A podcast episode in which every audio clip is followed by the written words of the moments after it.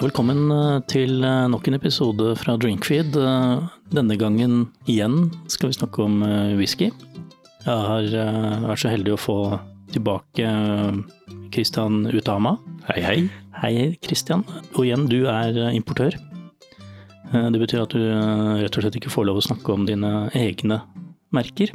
Så det, det skal jeg ta meg av. Men du er her fordi du kan jo veldig mye om whisky generelt, og, og spesielt om de tingene vi skal snakke om i dag, som handler om hvor whiskyen kommer fra, da mener jeg sånn geografisk, pluss at vi skal snakke litt om dette med årstall på whiskyen, og hva det har med, si, har med saken å har med produktet å gjøre. Og vi kan jo kanskje egentlig gå, gå rett på det. Eh, Ja. Fordi på, på, al- alle vet jo at jo større årstall det står på, på flaska, jo bedre er jo den whiskyen. Ja, altså det, det, er jo, det er jo mange som handler og tenker sånn at eh, hvis det står eh, 18 på, på flasken, så må den være bedre enn en om det står 12 på flasken. Og hvis det til og med står 25, eller hvis man har mye penger på BSU-kontoen eh, 30 eller 50, så, så skal det være veldig mye bedre. Men det er jo ikke nødvendigvis sånn at en, en whisky blir bedre jo lenger den ligger på et fat. Kanskje er den optimale lagringstiden på en gitt whisky og et gitt fat ti år, åtte år. Det blir jo litt som, som i vinverden, eh, man har et drikkevindu. Eh, Kjøper man, eh, kjøper man svinedyr Bordeaux, så er det ikke nødvendigvis gitt at eh, jo lenger du har den i, i eh, vinskapet eller hjemme, jo bedre blir den. Ikke sant? Det er jo det som, som eh, vinsamlere synes er morsomt, det er jo å kjøpe seks flasker av samme svindyre flasken, sånn at man kan åpne én i året og så finne ut at det var første året jeg smakte på en av de flaskene var best. Det er jo, det er jo en uh, trist kjensgjerning. Uh, ikke alltid, da, men noen ganger. Men det, det kan jeg få lov å skyte inn at eh, den whiskyen som er på den flaska som det, foran oss nå, som det står tolv år på, eh, hvis jeg hadde kjøpt den i 1985, så hadde jo ikke den Den hadde fortsatt vært tolv år i dag. Det stemmer. Eh, I motsetning til, til, eh, til i vinverden så utvikler jo ikke brennevinet seg på, på flaske. Med mindre man åpner flasken og lar den stå i, i, i solsteken litt. grann, Da, da forringer man jo smaken, da fordamper det litt, og så mister den litt farge, og så eh, har man egentlig eh, En negativ utvikling, rett og slett. en negativ utvikling. Men så lenge flasken er, er uåpnet og, og ikke blir, blir kokt, så, så utvikler ikke brennevin seg på flasken. Sånn at tolv år gammel whisky har ligget minimum tolv år på fat. Det var utviklings... eh, Det, det, var, så langt han kom. Ja. Ja. Etter det så eh, skjer det ingenting. Så selv, eh, som, som du sier, den tolv år gamle whiskyen du kjøpte på duty free i, i eh, 1999, har da ikke blitt eh, 23 år i, i år. Den er Passer det nå å komme inn på dette her med blend? For det er også et tema. Mange tror jo at, at eh, blended whisky er, er et ringere produkt enn singelmalt. Ja, er det fordi man tror at her har en eller annen gått rundt og bare samla inn slanter fra, fra fatene og lagd en sånn uh, gledekrukke? Opp til sånn 20 år siden så var, var det eneste man snakket om, var jo blended whisky. Og det er jo en kunstart. Eh, Det er jo ikke hvem som helst forunt å få lov å forsøke å blende en whisky. eh, Og langt ifra alle vil klare å blende en whisky, og ikke minst dette kunststykket å faktisk få det til å smake det samme år etter år. Fordi at smaken på de ulike råvarene dine, om du, om du vil, altså maltwhiskyen og den rene kornwhiskyen som man bruker, den vil jo være forskjellig hele tiden, ikke bare fra år til år, men fra fat til fat. For hvert fat er jo, er jo unikt, og selv to fat som blir bygget samme dag og står ved siden av hverandre i, i en kjeller eller på et lager, eh, er jo ikke helt like.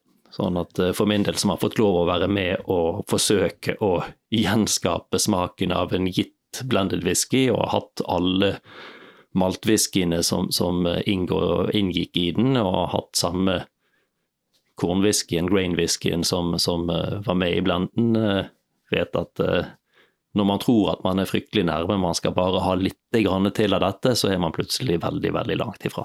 Så dette er jo uh, folk som har for det første veldig lang erfaring, men i tillegg er uh, velsignet med en, uh, med en, nese og gane som Det er langt bedre enn min. Som er langt bedre enn de fleste, jeg, vil jeg tro. Ok. Så vi har foran oss to whisker, vi skal smake på de. Den ene er en tolv år gammel. Riktignok står det dobbelt kask på den, men, men, det er ikke det vi skal konsentrere oss om nå, det er, det er alderen. Det er en Macallan, tolv år. Og så har vi med en det som jeg ville kalt på vinspråket non-vintage, men som på whiskyspråket heter noe helt annet. Som eh, Hvis man går inn på en, en, eh, et whiskyforum på Facebook eller noe sånt, så snakker man om NAS, NAS, som står for non-age statement. Altså man har ikke skrevet på etiketten på flasken eh, hvor gammel whisky som inngår i, i, i denne varianten. Og det er jo noe produsentene har sluppet mer og mer av de siste årene, rett og slett fordi at singelmaltwhisky inntil for 15-20 år siden var ikke noen stor greie. Eh, man drakk blended. Eh, man drakk gjerne vellagret blended også, men eh, det var noe blended man, man drakk. Singelmalt var for veldig, veldig spesielt interesserte, og den dag i dag så er, er jo blended fremdeles det som utgjør volumet av, av eh, whiskykonsum. Ser man på det norske konsumet, så ser man jo at den mest selgende blended skotsk whiskyen selger jo like mye, like mange liter som totale kategorien, eller totale volumet som selges av singelmaltwhisky. Ja, det sier jo litt om hva Men, men da er vi tilbake på dette med smak igjen. I tillegg til tilgjengelighet og pris, selvfølgelig. men det, det, er kanskje lettere å finne en whisky du liker som er blended, det er i hvert fall en teori jeg går rundt med. Det er jo ofte sånn at når man lager en blended whisky, så lager man jo den for at den skal være velsmakende og skal kunne please alle. Det skal være, altså man, man, man kan jo ikke lage et produkt du vil selge mye av, men som kun likes av de få. Ja, det er dårlig butikk ofte. Ja, Med mindre de få har innmari mye penger, da. Ja. Eh, sånn at eh, blended whisky skal jo også være crowd pleasers. Det skal jo være noe som kan falle i smak hos, hos eh, Hadde man vært norsk politiker, så hadde man sagt folk flest. Ja. Nå skal vi gå bort fra folk flest. Vi skal tilbake til single malt-verden. Men nå har vi helt oppi disse to i to forskjellige glass. Hvem, hvem, hvem ville du begynt med? Ville du begynt med den årgangsbiten denne står tolv år på, eller vil du kjørt den uh, non-age statement-løsningen? Nå er jo det sånn at eh, jeg kjenner jo begge produktene her. Uh, og i dette tilfellet så ville jeg faktisk startet med, med den tolv år gamle whiskyen som vi vet er eldre enn non-age statement-varianten, men som har Eh, litt sartere smakstoner, i tillegg til at den jo er, er, den er vannet ned. Den er på 40% mens den eh, non-age statement-varianten vi skal smake ved siden av, er flasket på cask strength, og den er 54,8. Ja, for cask strength betyr at det, det, er, det er så sterk whiskyen er når den ligger på fat eh, den tiden den har ligget på fat. Ja. Den starta på 72 eller noe, så har den fordampet ned til da, et eller annet på 50-tallet. Sånn at uh, det kan jo også være noe å ta hensyn til når man skal smake på, på whisky. Man trenger ikke nødvendigvis å starte med den som har høyest alkoholprosent. Nei, det, er, det, kan, det kan jo fort uh, faktisk ta gleden fra, fra alt. Ja, eller så smaker alt veldig godt etterpå. ja, det er, det er jo en måte å gjøre det på. Skal ha, skal ha det litt fælt først. Ja. McGell er jo en fantastisk produsent. Lager veldig elegante whiskyer. Bare skyte inn at det er, det er, ikke en whisky du importerer, bare så vi har slått det ettertrykkelig fast nå. Fordi eh, det, det, er jo, det, er jo, litt sånn at dere er en familie, og man, eh, man snakker jo gjerne pent om eh, hverandres produkter også. Det er litt sånn sympatisk trekk, syns jeg, i, i, innenfor brennevin i Norge i hvert fall. Okay. Ja, så, så, sånn er det i hvert fall i, i store deler av brennevinsverdenen, og kanskje særlig i whiskyverden. Eh, Og jobber man eh, med whisky fra, fra, et lite land som Skottland, så, så er det soleklart at det å sitte og kaste stein på naboen, det Det svarer seg ikke i lengden. Nei. Nei, det gjør ikke det. Men vi, vi, kan egentlig komme litt tilbake til, til etterpå hvor for de forskjellige whiskyene kommer fra. Vi kan jo begynne med akkurat den vi har smakt og luktet på akkurat nå, da. Speyside, som jo uh, ligger midt inne i Highland. Uh, ja, det er midt i smørøyet, på en måte. Ja. Eller midt, i, midt inni der. Vil si langs Elvens Bay. her lager man jo ofte whiskyer uten noe særlig røykinnslag, og det er jo heller ikke på denne whiskyen. Nei, det er litt røyk her. Det, det... Men, men, det kunne man jo egentlig gjort hvor som helst. Ikke sant? Eh, man snakker jo ofte om regioner i Skottland som skal ha forskjellig smak. Man snakker om ulike whiskyland, man snakker om japansk whisky, man snakker om indisk whisky. Men eh, det har opprinnelsen her har fryktelig lite å si, egentlig. Uh, ja, Nå dreper jo du en myte her. Ja, altså, uh, kan man virkelig få supergod whisky som supergod skotsk whisky som i teorien, eller i praksis, har vært lagd et annet sted og så frakta til Skottland og lagra der? Er det mulig? Ikke skotsk, men, men japansk whisky kan jo produseres egentlig hvor som helst i verden. Okay, så, du kan, du kan destillere det i Botswana og frakte spriten til Japan og lagre den der, og så det, har den ja, konvertert og blitt japansk? Hvis den lagres på samme måte som eh, vi jo har snakket om tidligere, eh, hvis man lager vodka i, i, i Litauen, så kan man frakte vodkaen til Norge, flaske den i Norge dagen etter ankomst, og så er det norsk vodka. Kan du skrive det på flasken. Det har blitt ordentlig integrert veldig fort. Ja. Uh, vært, i, vært, gjennom språkkurs og alt. I Japan så må man faktisk da eh, lagre produktet i seks måneder på japansk eh, territorium for at man skal kunne kalle det for japansk whisky. Men hva med skotsk? Skotsk må destilleres i, i Skottland. Det, det, må liksom, alt må være derfra. Er, ja. det, du kan ikke jukse deg til noe sånn uh, bulkløsning. Det, det, er, det, kan jo være noe å ta med seg hvis man er opptatt av det, men du sier jo at regioner ikke har noe å si. fordi eh, ved et tidligere program så syntes jeg at du kunne like gjerne lagra den whiskyen hvor som helst, eh, uten at det egentlig hadde noe å si for det uttrykket ja, den får. Rett og slett fordi at uh, det er andre ting som, som, avgjør smaken på whiskyen enn egentlig hvor den er lagret. Så det er ikke nødvendigvis sånn at uh, japansk whisky som ikke ble destillert i Japan, er dårligere enn japansk whisky som ble destillert i Japan. Eller bedre. Eller bedre. Eh, men, dette gikk vi litt inn på i et tidligere program. Eh, men eh, hvis vi skal gå tilbake til eh, dette med alder, og den verdien det årstallet har i forhold til det produktet som er på her nå, så er jeg veldig spent på om, når vi nå etterpå smaker en som ikke har et tall på flasken, om den når opp, eller om den er vesentlig annerledes eh, kvalitetsmessig. Igjen så vil jo alt være subjektivt, altså vi snakker om smak. Men uh, det er jo ikke nødvendigvis gitt at en, en whisky blir bedre av å ligge 18 år på fat enn av å ligge 12 år på fat. Hvis man har et dårlig fat, så må man i hvert fall ikke ligge så veldig lenge, for da blir den jo bare dårligere og dårligere for hvert år som går. Har man et godt fat, så vil den jo sannsynligvis utvikle seg i en positiv retning, men opp til et gitt punkt.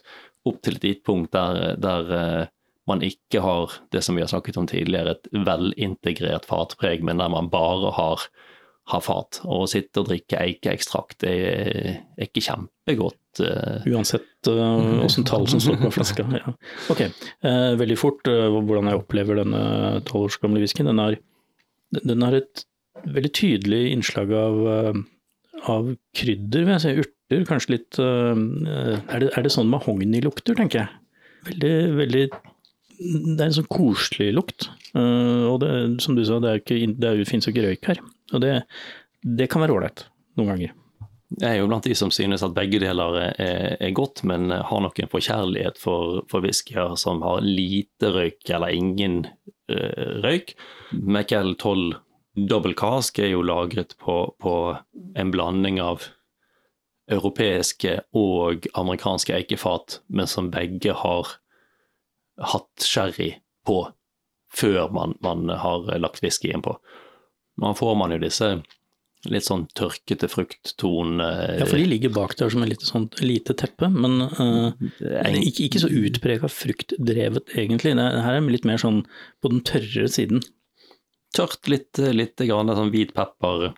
Så det, det, det, er ikke, det, er ikke, det er kanskje ikke den whiskyen som, som har mest sherrypreg, om man eh, vil si det sånn. Nei, absolutt ikke. Jeg, ikke, jeg, jeg tenkte ikke sherry i det hele tatt. Jeg tenkte jo de, de kryddertonene jeg, jeg, snakket om, og, og, selvfølgelig så kjenner jeg jo dette fatet som eh, Eller begge to, kanskje, siden det er dobbeltkask. Altså, jeg, jeg, kjenner jo fat, her, men det er jo Det går på noe tørre. Nå, nå har vi tatt uh, den andre, som ikke har noe årstall på seg.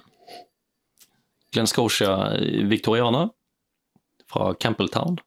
Ja, Da fortalte du en historie om at eh, de ville gjerne gjenskape hvordan whiskyen var eh, da dronning Victoria holdt det gående, og da er vi jo 100 år tilbake, og vel så det.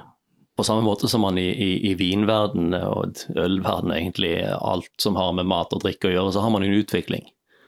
Sånn at man, om man drikker whisky eller konjakk eller vin i 2021, så smaker ikke den helt likt som den gjorde for 50 år siden engang. gang. Produktene, utvikler seg, og nye teknikker og nye muligheter.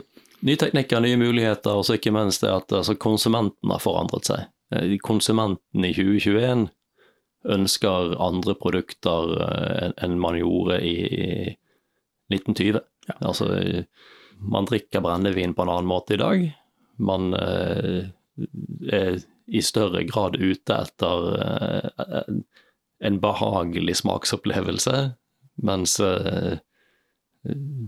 Går man tilbake til 1920, hvor, eh, hvor man ikke hadde lov å selge brennevin i Norge, så eh, var det nok effekten som hadde Ja, du vil gjerne ha noe igjen for pengene, kan du si. Klart, soleklart. Ikke, det var ikke så mye kos. Hvis, hvis jeg skal si, beskrive denne her for de som hører på, så er det jo Jeg får litt mer frukt her. Litt mer tørkede frukter, litt rosin kanskje. Men, men, men, men, det er en liten sånn hva skal jeg si for det, litt sånn naturlukt. Eh, er det innslag av røyk her, egentlig? Litt røyk, men, eh, men ikke, ikke, dominerende på noen måte. Ligger langt bak. Ligger bak der, men som, det, er, det, er, det, er, som sånn lite, noe som pakker det inn, eh, mm. uten at den kommer først fram. For, jeg syns denne her hadde mye ja, sånne tørkede frukttoner. Det som slår meg først, det er jo litt altså, forskjell i munnfølelse. Den er mye feitere. Men kommer det alkoholen? For denne her har jo lett 10% mer.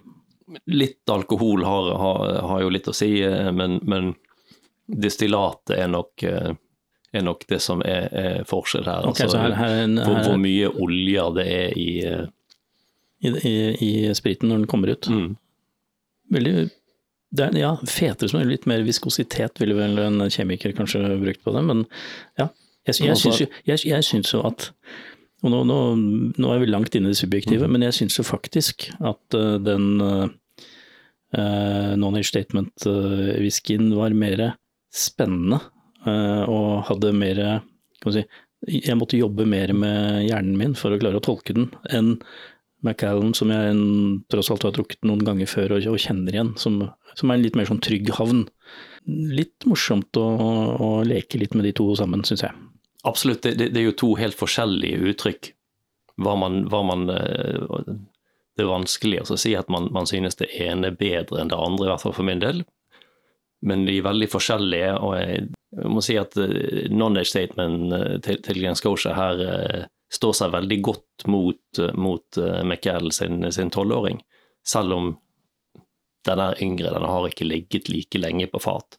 Men det har jo rett og slett med altså grunnen til at som vi snakket om i sted, grunnen til at produsentene gjør dette, er jo shortage. Man har ikke nok gammel singelmaltwhisky som har ligget på fat, fordi at man laget ikke så mye singelmaltwhisky som ble satt til side for, for, for egen egenflasking tidligere. Da ble det, det som var man laget av maltfiske den gangen, det gikk rett til blendinghusene for, for å lage blended whisky. Ja, og da kan vi tenke at de både dekker bunnlinje og topplinje, da, for å si det sånn. De, de tenker framover, men de selger det de har nå gjennom en non-age statement. Veldig morsomt. Eh, vi har eh, slått fast at eh, alder er subjektivt. Det er jo bra. Og at stedet, landet, distriktet er mer et uh, uttrykk for, uh, for, en vilje til å skape en historie, enn uh, strengt tatt hva som er nødvendig for å lage produktet. Da har jeg oppsummert det ganske greit, føler jeg. Det synes jeg også. Da sier jeg tusen takk til deg, Kristian, for at du ble med her og, og delte og øste av din, din store whiskyvisdom.